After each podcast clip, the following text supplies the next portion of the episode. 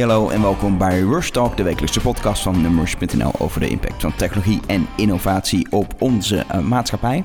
Uh, deze week is het eindelijk gelukt om hem uh, tegenover mij te krijgen. Dames en heren, Bas Vroegop. Wat heeft het lang geduurd, hè?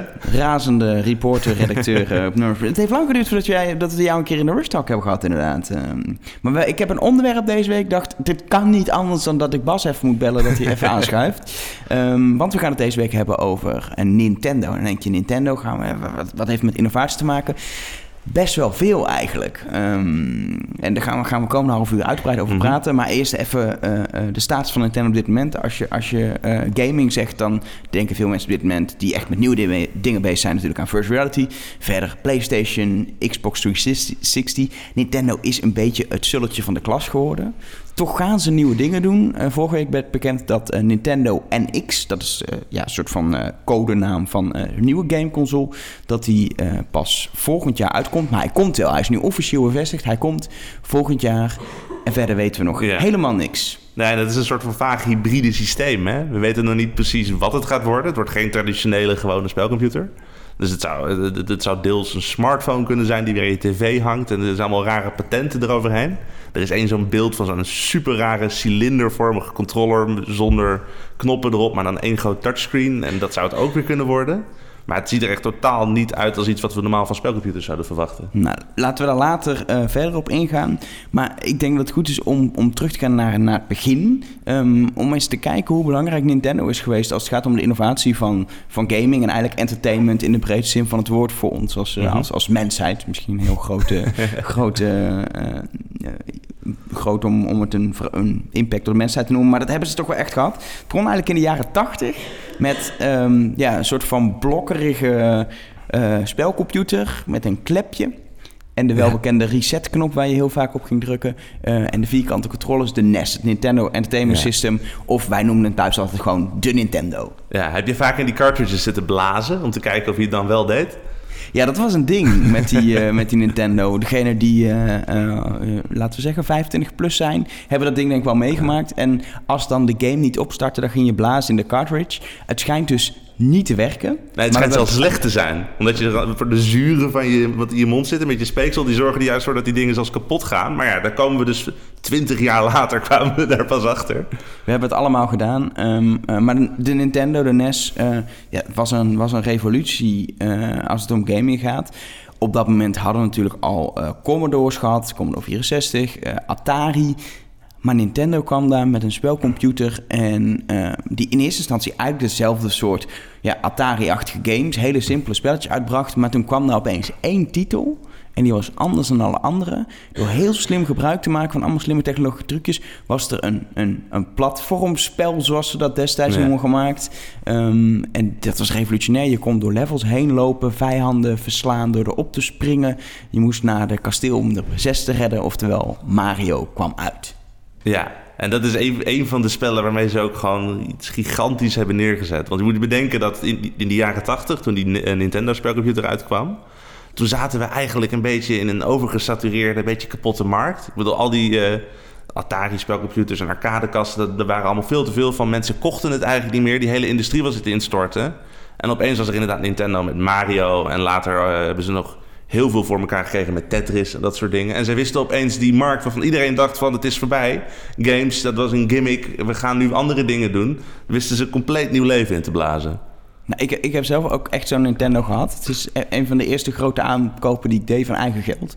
100 gulden heb ik ervoor betaald. Want hij was inmiddels al wat ouder, dus dan werd hij wat goedkoper. Toen had ik mijn eigen Nintendo. Die stond wel gewoon bij mijn ouders beneden in de woonkamer op hun tv. Maar het was mhm. mijn, mijn Nintendo. En daar speelde ik Mario op. En natuurlijk een klassieker. En dat gaf wel aan hoe slim Nintendo is in, in uh, hele slimme dingen te doen met, met, met simpele technologie. Duck Hunt. Duck Hunt is een spelletje wat oh, iedereen denk ik wel ja. kent. Met zo'n, met zo'n oranje gun moest je eentje schieten. Um, en het was super slim, want het enige wat het ding deed was een soort lichtsensor zat erin. En zodra je schoot, dan werd je hele scherm, uh, zodra je op het knopje drukte, werd wit behalve het eentje. En dan kon hij, zeg maar, kon hij meten of jij het eentje had geraakt of niet. Het was, het was zo slim, omdat, weet je, nu zou je dat allemaal met deeltechnologie allemaal heel simpel kunnen oplossen. Maar toen was de technologie om op je tv te schieten, ja, dat was heel lastig. En ze hadden gewoon een slim trucje bedacht hoe ze, hoe ze dat voor elkaar konden krijgen.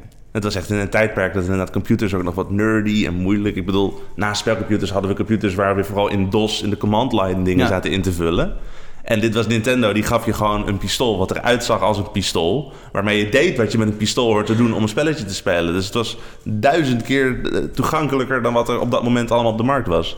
Ja. Volgende revolutie eh, die Nintendo veroorzaakte was... eh, nou, we hebben het nu over, over eh, 1986 dat hij in de EU uitkwam, eh, Nintendo. Een paar jaar later, in 1989, kwam eh, de manier om ook onderweg te kunnen gamen... als je niet bij tv zat, de Game Boy. En eh, ik denk eh, elk kind, eh, of iedereen die kind was in de jaren, begin jaren 90, zeg maar... die Mhm. heeft of zo'n ding gehad of kende iemand met een Game Boy. Het zag er niet uit, het had twee kleuren, het scherm. De accu viel altijd uit waardoor je je save game kwijt was. Dat soort ellende. Maar het was revolutionair dat je onderweg kon gamen op vakantie in de auto. Het maakte niet uit. Je, had, je, je kon gaming meenemen. Ze waren natuurlijk niet de enige. Sega was zelfs destijds de grote concurrent. Op een gegeven moment verder, die had het al in kleur. Alleen ging de Ja. accu eh, drie kwartier mee en dan was hij leeg. Nintendo Ja, er zaten ook dat, eh, vier of zes batterijen in of zoiets. Ja. Dat is echt een gigantische logmonster om mee te nemen. En Nintendo had echt wel een, eh, een revolutionair apparaat, wat, wat echt een groot succes is geweest. Ehm, en nu zie je Game Boys nog steeds ja, opduiken als een soort een tijdsbeeld. Game Boy was een Ja. tijdsbeeld van, van begin jaren 90. Dat was entertainment voor kinderen. Dat was het nieuwe speelgoed. Een Game Boy, daar kon je onderweg mee spelen. En het was fantastisch. En ehm, eh, als je nu naar kijkt, dan denk je... hoe, heb, hoe hebben we dit leuk kunnen vinden, bijna? En, en je had nooit de juiste verlichting om goed op het schermpje te kijken. Dat soort, dat soort ellende allemaal. Ja, dat vergrootglazen erbij. Ja. Je wil het niet weten. Een printer zelfs, waar je niks aan had, maar die je toch wilde hebben. Eh, maar voor toen was het, was het revolutionair. Ja, super stevige dingen ook trouwens. Hè? Ik bedoel, Ja. ik kwam van het weekend kwam ik er nog eentje bij ons thuis tegen. Die heb ik even aangeprobeerd te zetten, maar hij doet het gewoon nog. Kan er gewoon nog weer spelen? Jazeker. Dit is echt begin Wow. jaren negentig heb ik dat ding ooit van mijn ouders gekregen. Maar het is zo gek om daarop terug te kijken. Want we zitten nu, nou 2016, heb- zitten we op het punt dat we, nou, we hebben onze telefoons, onze tablets, we hebben allemaal schermpjes bij ons. Maar die Game Boy kwam echt in een tijdperk dat, nou, de mobiele telefoon was ook nog niet echt mainstream. Dus als die Nokia'tjes zag je niet superveel in het wild. En het idee dat je inderdaad een computer met je mee kon dragen was toen al bijzonder. En dit was gewoon, dit paste in je rugzak. Ja, ja, dat is heel bijzonder. Da- daarna heeft Nintendo natuurlijk allemaal eh, andere consoles en eh handhelds, zoals die dingen heten, uitgebracht. De Super Nintendo, oftewel de SNES, eh, kwam een, een aardig apparaat die het best goed heeft gedaan. maar niet re- echt revolutionair, was gewoon een, een betere NES. Ehm, Ja. Daar kwam een Nintendo 64 na. Dat was nieuw, want het was gaming in 3D. Alleen wel twee jaar nadat eh, Sony al de PlayStation op de markt Ja. eh, had gebracht. Dat is naar gegaan hoor, want die eh, Super Nintendo zou eerst dus met Sony ontwikkeld worden. Dat zou, Echt de waar? SNES, dat zou de SNES CD worden. Dus dan zou Sony zeg maar de disk drive en de, voor, voor de CD's allemaal voor, ervoor regelen, zodat er veel meer data op kan opgeslagen worden. Dat ging helemaal niet, uiteindelijk helemaal niet door. Dat deels waarschijnlijk omdat het een beetje moeizaam ging. En Nintendo had- kreeg ook een soort van filosofie van... we willen geen laadschermen, alles moet meteen opstarten. En op een cd'tje in die tijd kon dat gewoon niet. Maar ja, inderdaad, een generatie later kwam die PlayStation. En die heeft ja, qua verkoopcijfers die Nintendo 64 compleet uit het Ja. veld geslagen. En eigenlijk alles wat Nintendo eh, in de jaren daarna heeft gedaan, er kwam nog een GameCube, eh, eh, Game Boy Advance, dat soort apparaten. Het is niet dat het heel slecht deed, maar het was duidelijk dat, dat eh, eh, Nintendo een hele harde concurrentie had van Sony. Eh, Ja. later ook Xbox, Microsoft. En wat die wisten te doen, is ook de juiste titels binnenhalen. echt voorop lopen op beeldtechnologie, dat het allemaal echt allemaal goed uitzag. En daardoor wisten ze de echte gamers, de, ik, ik noem het nu nerds, maar dat is niet negatief bedoeld. Maar mensen die echt van gaming houden, die wisten, wisten ze, wisten Sony en Microsoft naar zich toe te trekken met de jaren. En Nintendo verloor dat gevecht. Die hield eigenlijk alleen maar ja, de mensen die uit een soort van eh, nostalgie bijna Nintendo aanhang was, die bleven Nintendo spelcomputers kopen. Ehm, maar er was weinig reden in, in die markt om, om voor Nintendo te kiezen. De rest was gewoon beter op dat moment. Ja, ze, ze liepen gewoon achter. Dus inderdaad, onder, andere- dat zal voor een heel groot deel inderdaad door dat hele CD-gebeuren zijn geweest. Ik bedoel, nou, die Super Nintendo eh, liep mis. De Nintendo 64 had nog cartridges. En echt pas ergens begin 2000, toen de Gamecube kwam... toen zijn ze pas met eh, cd'tjes aan de slag gegaan. Maar dan gingen ze weer voor hele kleine, waar dan minder data op paste... waardoor een spel op een Gamecube ook veel kleiner kon worden. Dus ja, technisch en ook grafisch qua kracht was het gewoon minder sterk. de enige reden om een Nintendo-spelcomputer te kopen was alleen maar omdat je die software heel leuk vond. Dus Ja. daar is, dat is natuurlijk iets waar Nintendo super goed in is. Dat spellen zoals Mario, Zelda en Metroid, dat zijn gewoon series geworden die generaties lang hebben overleefd. En nog steeds gewoon heel erg veel impact maken. Maar ja, op hardwarevlak was het gewoon niet zo bijzonder heel lang. Nee, ondertussen eh, ehm, was Sega, wat ooit in het begin de grote concurrent was van, eh, van Nintendo, was al, nou niet ter ziele gegaan, maar had zich al teruggetrokken van die, eh, van die hardware-markt. Eh, de, de Dreamcast was de laatste spelcomputer van Sega, geloof ik. Ja, super mooi ding. Maar Wel- allemaal, weet jij wanneer die ongeveer uitkwam? Want ik ben, ben het even... Ook begin 2000 ergens, Ja. denk ik. Dat was een Ja. beetje rond de periode dat PlayStation 1 rond het einde was. En dit liep al heel erg technologisch vooruit, maar niemand wilde er software van maken. Dus ja, dan strand je ook heel, heel snel. Eh, Nin- eh, Sega die heeft, het, heeft het opgegeven eigenlijk, heeft het Mhm. verloren. Nintendo leek het ook heel lang te verliezen. En toen bewees Nintendo hoe ze die innovatiekracht die ze echt in de, in de jaren 80 en begin jaren 90 hadden, nog steeds diep in dat bedrijf hadden zitten ergens. Ehm, en het bewees op een hele bijzondere manier, namelijk niet door een betere spelcomputer te maken dan, dan Sony en Microsoft deden, maar door iets anders te gaan doen, een andere doelgroep aan te spreken. Ja, en toen kwam precies. de Nintendo Wii, oftewel we konden gaan tennissen en bowlen op een spelcomputer. En het was geniaal wat ze daarmee hebben gedaan, want grafisch, het was geen HD, terwijl de rest al richting HD ging. Het zag er allemaal maar een beetje ja, semi-aardig uit, maar het is eigenlijk gewoon crappy voor die tijd. Het, het was qua hardware was het ook in feite twee Gamecubes tegen elkaar aan vastgeplakt. dus het- letterlijk hoor, als je dat ding openschroeft, het is inderdaad van, oh ja, nou, dat, dat zijn die onderdelen van die twee Gamecubes en dat vormt één spelcomputer. Dus Ja. ze hebben amper moeite gedaan om het grafisch beter te maken, maar dat was niet nodig. Nee, wat, wat ze heel slim namelijk is te doen, is in plaats van een, een, een controller eh, zoals je die kent, met inmiddels eh, drie pookjes en acht eh, knoppen bovenin en aan de zijkant, kwamen ze met een, eh, ja, een- ze noemen dat de Wiimote, de bekende afstandsbediening, het, het witte kastje, eh, wat je vast kan houden. Waar wel knoppen op zaten en je kon hem als een soort van normale controller gebruiken. Maar het ding was vooral, je kon ermee zwaaien ehm, en op die Ja. manier met bewegingen eh, eh, games besturen. En dat was revolutionair, omdat je een heel ander soort games kon maken. Eh, Nintendo bracht die Wii op de markt eh, met Wii Sports. Lekker toegankelijk, je kon letterlijk een half uurtje gamen. En dat was denk ik de kracht ervan. Ook met meerdere mensen samen, zelfs met, met, met je ouders, kon je een half uurtje zo'n spelletje spelen. Ehm, eh, eh, het kostte relatief voor een console destijds weinig geld. Dat was geloof ik 250 euro ongeveer. Terwijl, Ja, terwijl zoiets, PlayStation en Xbox zaten echt richting de 400. Ehm, dus dat was toegankelijk voor een heel ander breed publiek. En dat lukte ook, want er gingen opeens allemaal mensen die, die nooit een PlayStation of Gamecube of, of eh, ik, Gamecube, ik bedoel eh, Xbox zou kopen, Mhm. eh, die gingen wel een Wii kopen. En Nintendo boorde een nieuw publiek aan eh, en onderscheidde zich actief van, van die hele competitieve markt waar ze, waar ze in zaten. En dat was een succes. Ehm, ik zelf heb zo'n destijds ook neergekocht. Ik heb zeg maar de NES gehad op Super Nintendo en Nintendo 64 bij anderen gespeeld, maar nooit meer een console gekocht, want ik ben geen diehard gamer. Maar toen de Wii kwam, toen was opeens weer, hey, dit ga ik kopen. En ik was, ja, ik ging weer gamen op een console dankzij de Wii. Ja. Maar heb je er ook veel games op gekocht achteraf? Heel veel. Oké. Ik ben wel zo'n type wat dan ook helemaal weer dat, dat eh, gaming, dat leeft weer op bij mij. Ehm, en ik heb echt 20 games gekocht of zo voor dat ding. Dat is Oh, best wel bijzonder, want de meeste mensen kopen er drie of zo. Nou, maar dat is dus inderdaad het beetje het, eh, ja, het, het sneed een beetje aan twee kanten. Want Nintendo had opeens superveel mensen die dus zo'n Wii kochten. Inderdaad, maar inderdaad ook huismoeders en, en mensen die totaal geen games speelden. Maar dat waren eigenlijk alleen maar mensen die wilden tennissen op de televisie. En die kochten, nou, Wii Sports kreeg je erbij. Later kwam er nog een tweede Wii Sports uit. Maar er zijn heel veel Wii's verkocht waar verder geen games voor gekocht zijn. Dus Nintendo had in het begin ging het super hard omhoog, omdat ze inderdaad een gigantische installbase kregen. Maar daarna is het een beetje, ze moesten al heel snel weer wat nieuws, want ze merkten van, oh jee, dit, dit houdt niet aan voor ons. Ja. Een, een, een ander ding in diezelfde tijd, of eigenlijk zelfs iets daarvoor, ehm, waarbij ze ook een andere doelgroep wisten aanspreken, was de Nintendo DS. Dat was gewoon eigenlijk een doorontwikkeling van de Game Boy tot dan toe. Wat heel slim was aan de DS is dat er een eh, touchscreentje in zat, wat voor die tijd best wel revolutionair is. Het werkte ook nog met een pennetje. De iPhone was er nog niet in die tijd, dat moet ik er even bij zeggen. Dan weet je een beetje welke tijd te praten. Telefoons met een touchscreen werkte ook met zo'n pennetje. De Nintendo DS ook. Maar wat ze daar hadden gedaan, en dat is heel slim, die Japanners zijn knettergek, maar het werkt. Eh, ze hebben eh, brain training, dokter, weet ik veel hoe die heet. Oh ja. Eh, eh, brain training op de markt gebracht. Ehm, en daarmee wisten ze zo waar weer een hele andere doelgroep. Namelijk ouderen die eh, geheugenspelletjes nuttig vonden. En dachten dit werkt om een beetje scherp te blijven. Die hebben ze aan die Nintendo DS gekregen. Dus je had kinderen echt jonge kinderen vaak die een, die een DS kochten. En je had een groep ouderen die opeens dat soort spelletjes ging spelen. Je zag ze Ehm, net allemaal in de trein zitten in die ja. tijd. En dan- die DS die moest dan ook gekanteld vastgehouden worden. Dus mensen hadden een soort van ja, PDA-achtig boekje hadden ze vast. Ja.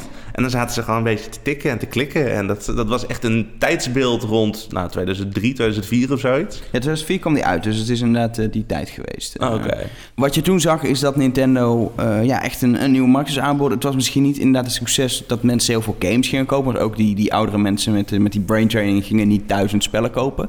Ehm, dus in de omzet, et cetera, was het misschien lastig. Maar het was wel het bewijs dat Nintendo nog steeds kon, eh, kon innoveren. En echt, eh, ja, toch wat ze ook in het begin hebben gedaan, dat ze, dat ze die kracht hadden om op een hele originele manier aan de slag te gaan en, ehm, en Ja. nieuwe markten aan te boren, echt te vernieuwen en echt op een andere manier naar gaming te kijken. Ehm, eh, dat bood hoop voor eh, de toekomst. Ja, En maar het is ook wel echt typisch voor Nintendo natuurlijk. Ik bedoel, het is niet altijd een gamesbedrijf geweest. Het is tot, eh, ik geloof dat ze in 1700 of 1800 zijn ze opgericht. En ze hebben toen een hele tijd gewoon kaartspelletjes in Japan verkocht. En op een bepaald punt kwam die hele digitale markt op. Toen zijn ze met spelcomputers bezig gegaan. Nou, daar waren ze een tijdje mee bezig, vallen ze daarbij achter. En dan gaan ze zich inderdaad op een andere markt richten. Dus inderdaad op, op jongere mensen en op oudere mensen door iets anders in te steken. En dat is Ja. gewoon de manier waarop dit bedrijf altijd probeert te overleven. En toch kwam er toen een groot probleem, want het leek net dat ze toch iets, ze hadden iets. En toen kwam eigenlijk eh, eh, de iPhone en alle andere smartphones met de app Ja. stores. En eh, wat is het resultaat? De doelgroep die zij pakten, mensen die niet een console kopen, ehm, eh, maar wel een spelletje willen spelen. Die hadden een smartphone en daar kon je voor, voor een euro of op een gegeven moment zelfs gratis, vrij snel via freemium modellen, kon je allemaal super verslavende spelletjes kopen. Op Facebook kon je ondertussen Farmville spelen. Die doelgroep die zij te pakken hadden, die werd eigenlijk compleet overgenomen door de smartphone. Wat op zich een optie was geweest op dat moment voor Nintendo was gezegd... hey, dan kunnen wij smartphone-apps gaan ontwikkelen. In Ja. plaats daarvan gingen ze heel hard nieuwe consoles ontwikkelen. Een, een Nintendo 3DS met een, met een, ja, ik noem het maar even een, een, soort, een soort gimmick. eh, 3D, want de echte meerwaarde ontgaat mij compleet. Ehm, Dat was ook in de tijd dat een paar smartphones inderdaad zo'n 3D-scherm hadden. ja, Daar zijn al die fabrikanten super snel mee opgehouden. Maar ja, Nintendo die had het al en die moest eraan vasthouden. Dus die zat eraan vast. En nog steeds, want ze hebben laatst weer een extra grote luxe versie eh, op de markt gebracht. Het heeft nog steeds een 3D-scherm. Wat ze Mhm. verder gingen doen was eh, ehm, de Wii U uitbrengen. Eh, eigenlijk verder gaan op die Wii. Eindelijk naar HD. En ze bedachten, we maken een tablet erbij. Want tablets zijn hip. Of. Ik weet niet wat ze heb- hebben gedacht. Maar daardoor kon je ehm, sowieso zonder de tv aan te zetten gamen op dat tabletscherm. Ehm, je kon eventueel extra informatie op die tablet tonen. Ja, wat heel slim was, je kon de oude Wiimo's en allemaal oude accessoires en games meenemen naar de, vanuit de Wii naar de Wii U. Dus dat was slim. Maar er was eigenlijk te weinig reden om dat ding te kopen, weet je, zo'n tablet. Mm, ja, wat is de meerwaarde? En zeker die doelgroep die ze bij de Wii hadden aangeboord, is niet de doelgroep die denkt, oh, ik moet het nieuwste wat nieuws hebben. Die doelgroep was eigenlijk ook, ik heb dat wel gezien, dat spelen met die, eh Ja, met die die zijn niet dat ding merken. stond te verstoffen.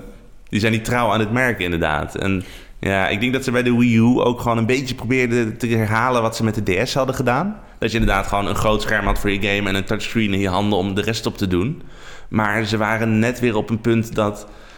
Het, kwam gewoon, het momentum kwam er gewoon niet. Ik bedoel, Nee. alle derde partijen die normaal spellen voor ze maken, dus de partijen zoals Ubisoft en Electronic Arts en Activision en zo, die lieten nou, soms zelfs al heel expliciet blijken van ja, we gaan hier gewoon niks voor maken, want dit ding gaat niet snel genoeg verkopen, dus het zit er voor ons niet in.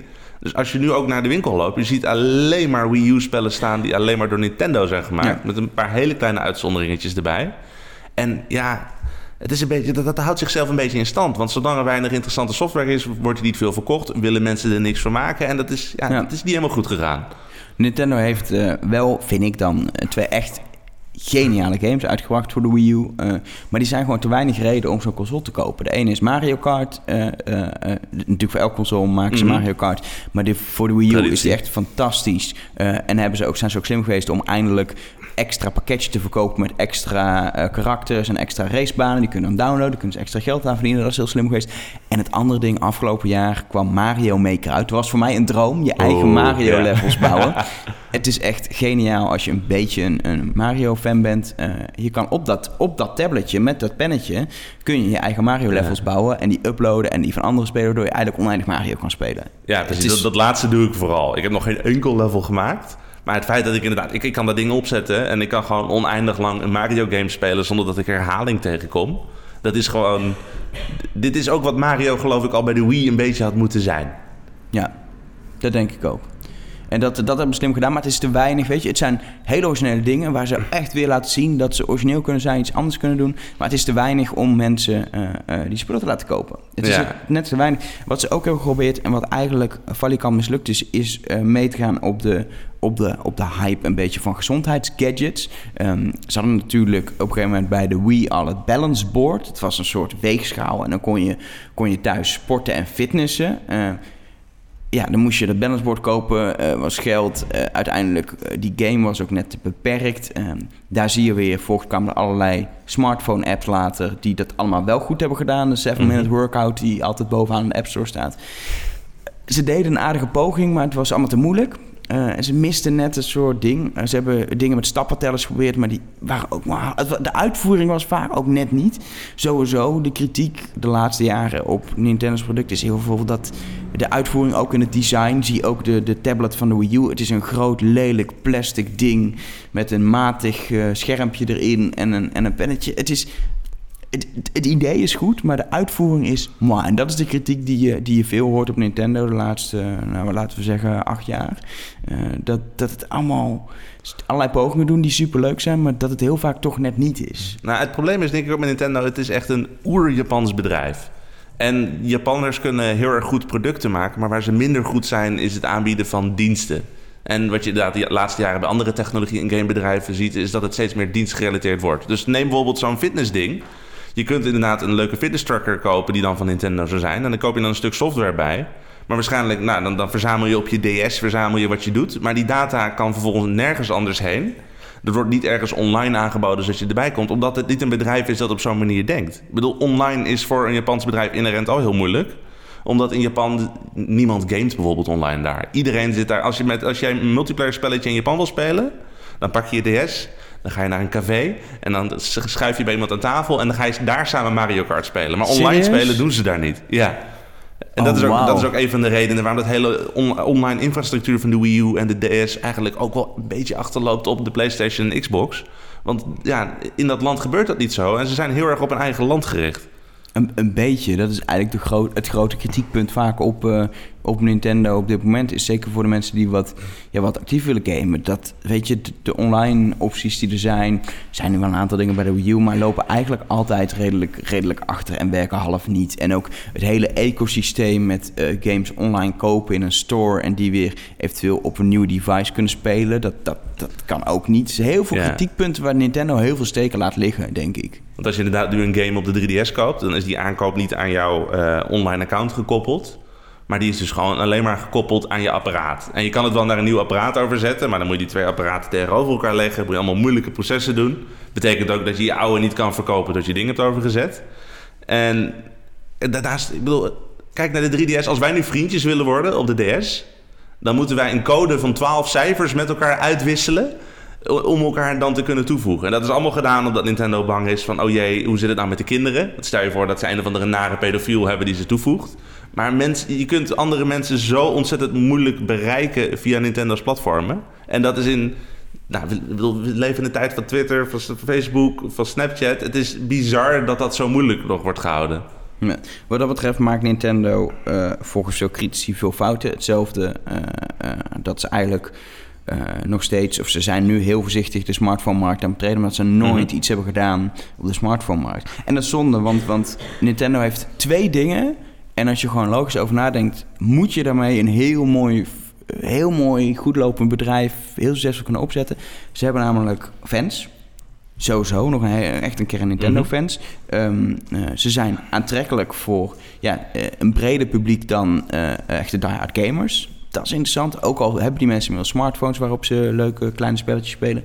En ze hebben ontzettend sterke merken in huis. Ze hebben Zelda, ze hebben Kirby, ze hebben natuurlijk Mario. Ze hebben zoveel uh, Pokémon. Uh, Ja. uh, allemaal dingen die razend populair zijn nog steeds. En waar ze zoveel mee kunnen. Waar ze ook nog steeds... Als ze die niet hadden, waren ze echt al op de fles geweest. Maar ze blijven nieuwe Mario games maken. En, en Pokémon is dit jaar geloof ik 30 jaar. Of in ieder geval heel, heel oud. En daar, daar komen ook nieuwe games uit. En dat Ja, loopt ook wel 20. weer uh, 20. Ja, ik veel, zat even te denken, maar eh 20 geloof ik, ja. In ieder geval, ze hebben dus dingen in handen waarmee ze echt succesvol kunnen Mhm. zijn. Ehm, maar dan moeten ze echt wel nieuwe stappen zetten. Nou, nieuwe stappen zetten ze op dit moment door eindelijk, maar misschien is het te laat, mobiele games te maken. Ik zei het net ook al. Ehm, alleen dan zie je wel weer de eerste mobiele game draait niet om Mario. Is niet gewoon lekker Mario op je telefoon. Wat volgens mij heel veel mensen zouden, zouden kopen als het er zou zijn. Ja. Het is een of ander vaag spelletje, soort chat-applicatie met me-person. Ik weet niet eens wat het, Het is. is joh. geweldig, Elger. Heb je het niet geïnstalleerd? Doe normaal. Ik, ik, Oh. ik wil gewoon Mario. Het- De grap is een beetje, Mitomo is zeg maar wat... eh, Hoe, hoe heet het? Mitomo. Mitomo. Dat is met de, de dubbel I. Want de Mii's zijn zeg maar de poppetjes die de Wii en de 3DS zeg maar eh, als avatar hebt. Ja. En het idee is dus dat je maakt je eigen, je voegt je vrienden toe. Het is een beetje alsof Nintendo Facebook heeft gemaakt. Maar omdat ze zeg maar niet helemaal handig zijn in een online dienst te zijn... komt het er eigenlijk op neer dat... Het is niet dat je je eigen status-updates post en nog een tijdlijn scrolt... maar in plaats daarvan vraagt de, de app je heel expliciet om antwoord te geven op vragen. Dus bijvoorbeeld krijg je de vraag, wat is je lievelingseten? Dan geef je er antwoord op en dan kunnen je, de mies van je vrienden, die horen dat dan weer... en die vertellen aan je vrienden wat je antwoord hebt gegeven... Je bent eigenlijk constant enquêtes over jezelf aan het invullen. En het is kneuterig, maar het is zo leuk.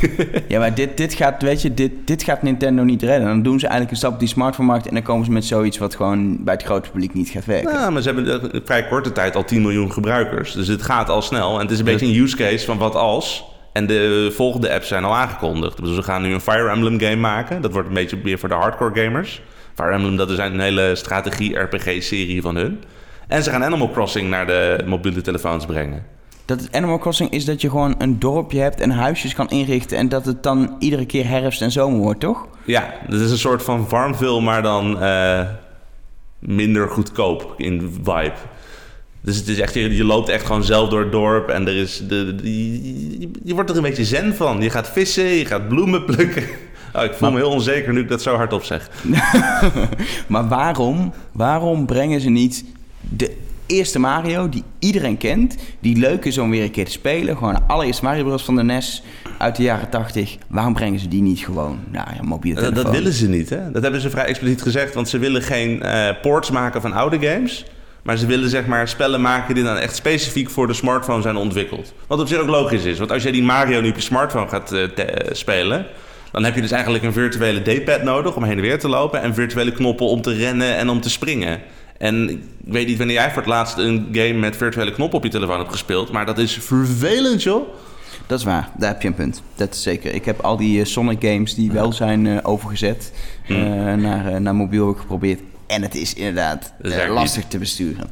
En als er iets is bij Mario wat belangrijk is, is dat je goed kan, kan besturen. Anders val je continu in die ravijnen die in Het het, zijn, het spel zijn zitten. verdraaid moeilijke spellen, vooral Ja. later. En dat is inderdaad gemaakt met het idee dat je fysieke knoppen in je vingers hebt. Maar het, hele mobiele verhaal is ook een beetje een soort van interne strijd bij Nintendo. Hè? Ik bedoel, investeerders roepen al jaren tegen ze van... jongens, maak alsjeblieft mobiele games, want die iPhone wordt zo groot.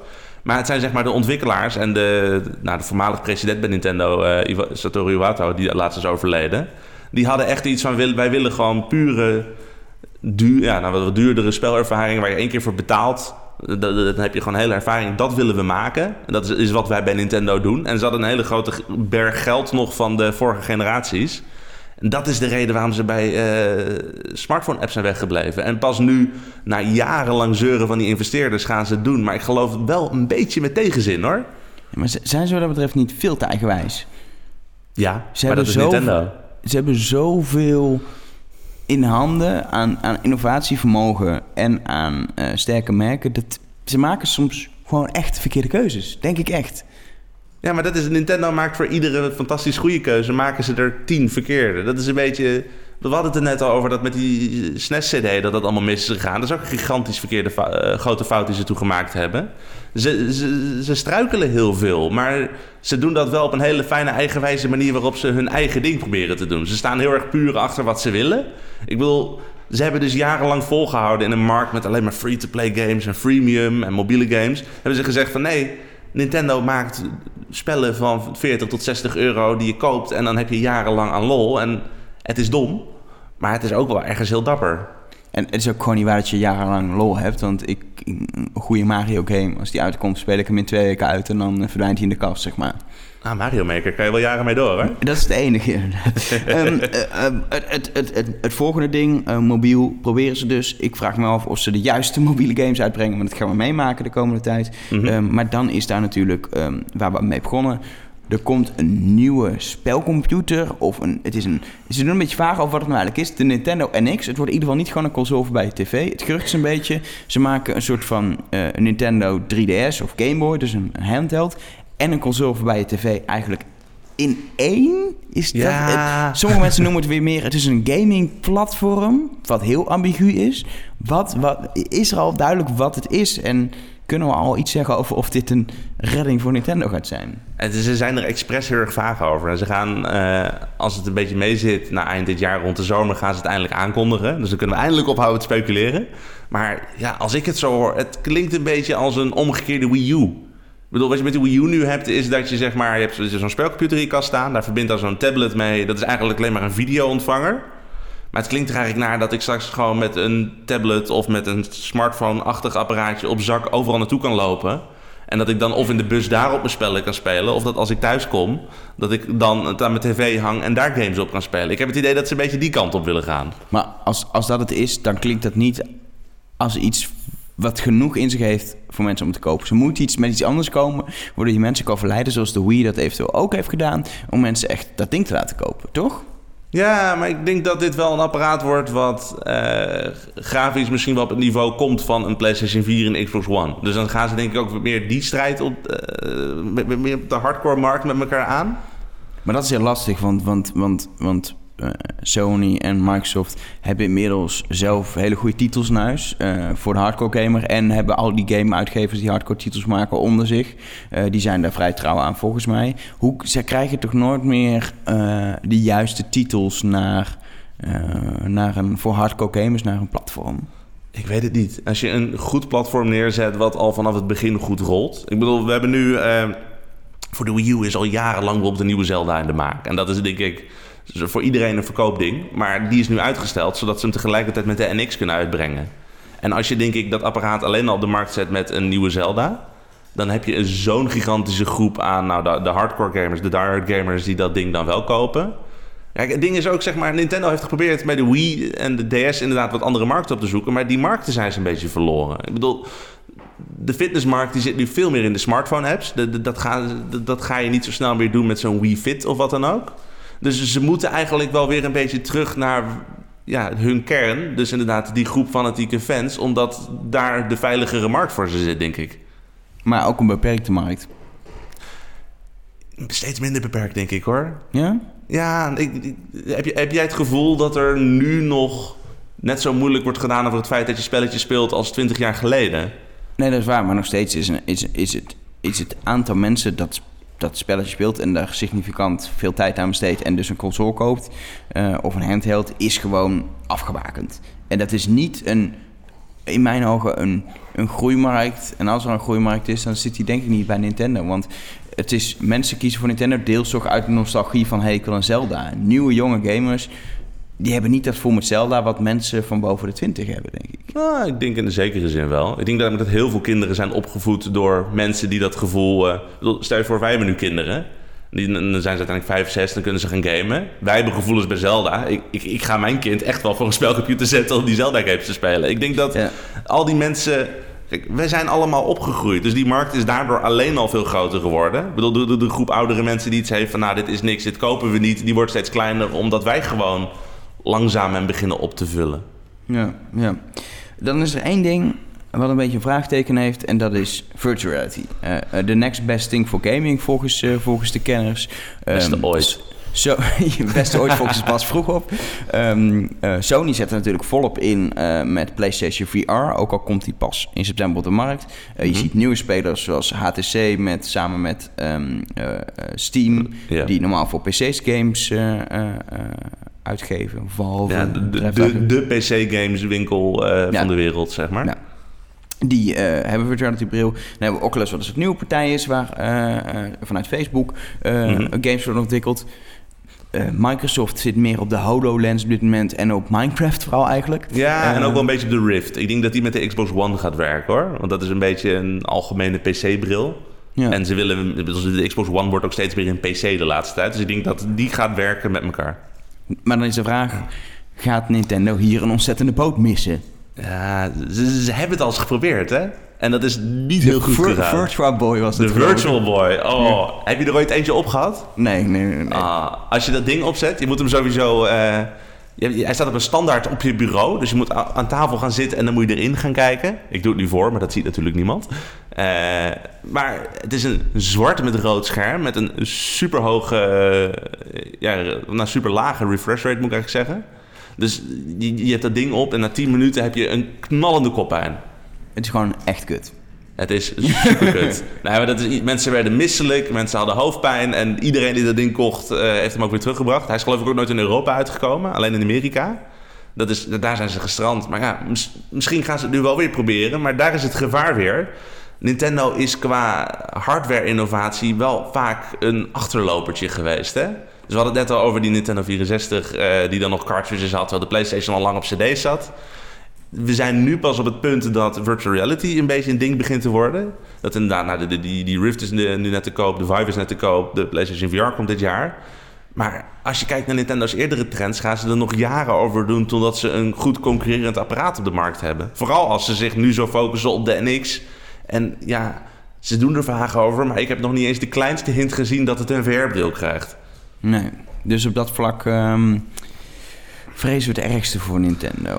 Al met al ehm, kunnen we volgens mij concluderen dat Nintendo ontzettend veel potentie in huis heeft. Ook een paar keer heeft bewezen, soms heel, soms half, maar dat het echt kan innoveren en echt eh, eh, de entertainment slash gamingmarkt, ehm, dat die, die kan veranderen. Ehm, maar het wordt echt lastig voor ze de komende jaren. Ja. Over tien jaar hebben we dan nog, eh, maken ze dan nog consoles? Hebben we dan, kopen we dan nog Nintendo-apparaten? Ik denk dat we nog wel Nintendo-apparaten kopen. Kijk, dat is dus het ding. We hebben het wel erover wanneer het beter of slechter met ze gaat. Maar die berg geld die ze hebben, joh. Zij kunnen geloof ik voor de 100 jaar kunnen ze nog lekker doorgaan met wat ze allemaal leuk vinden. En dan komt het allemaal Is wel dat een goed. hobby? Ja, een lekker hobbyprojectje.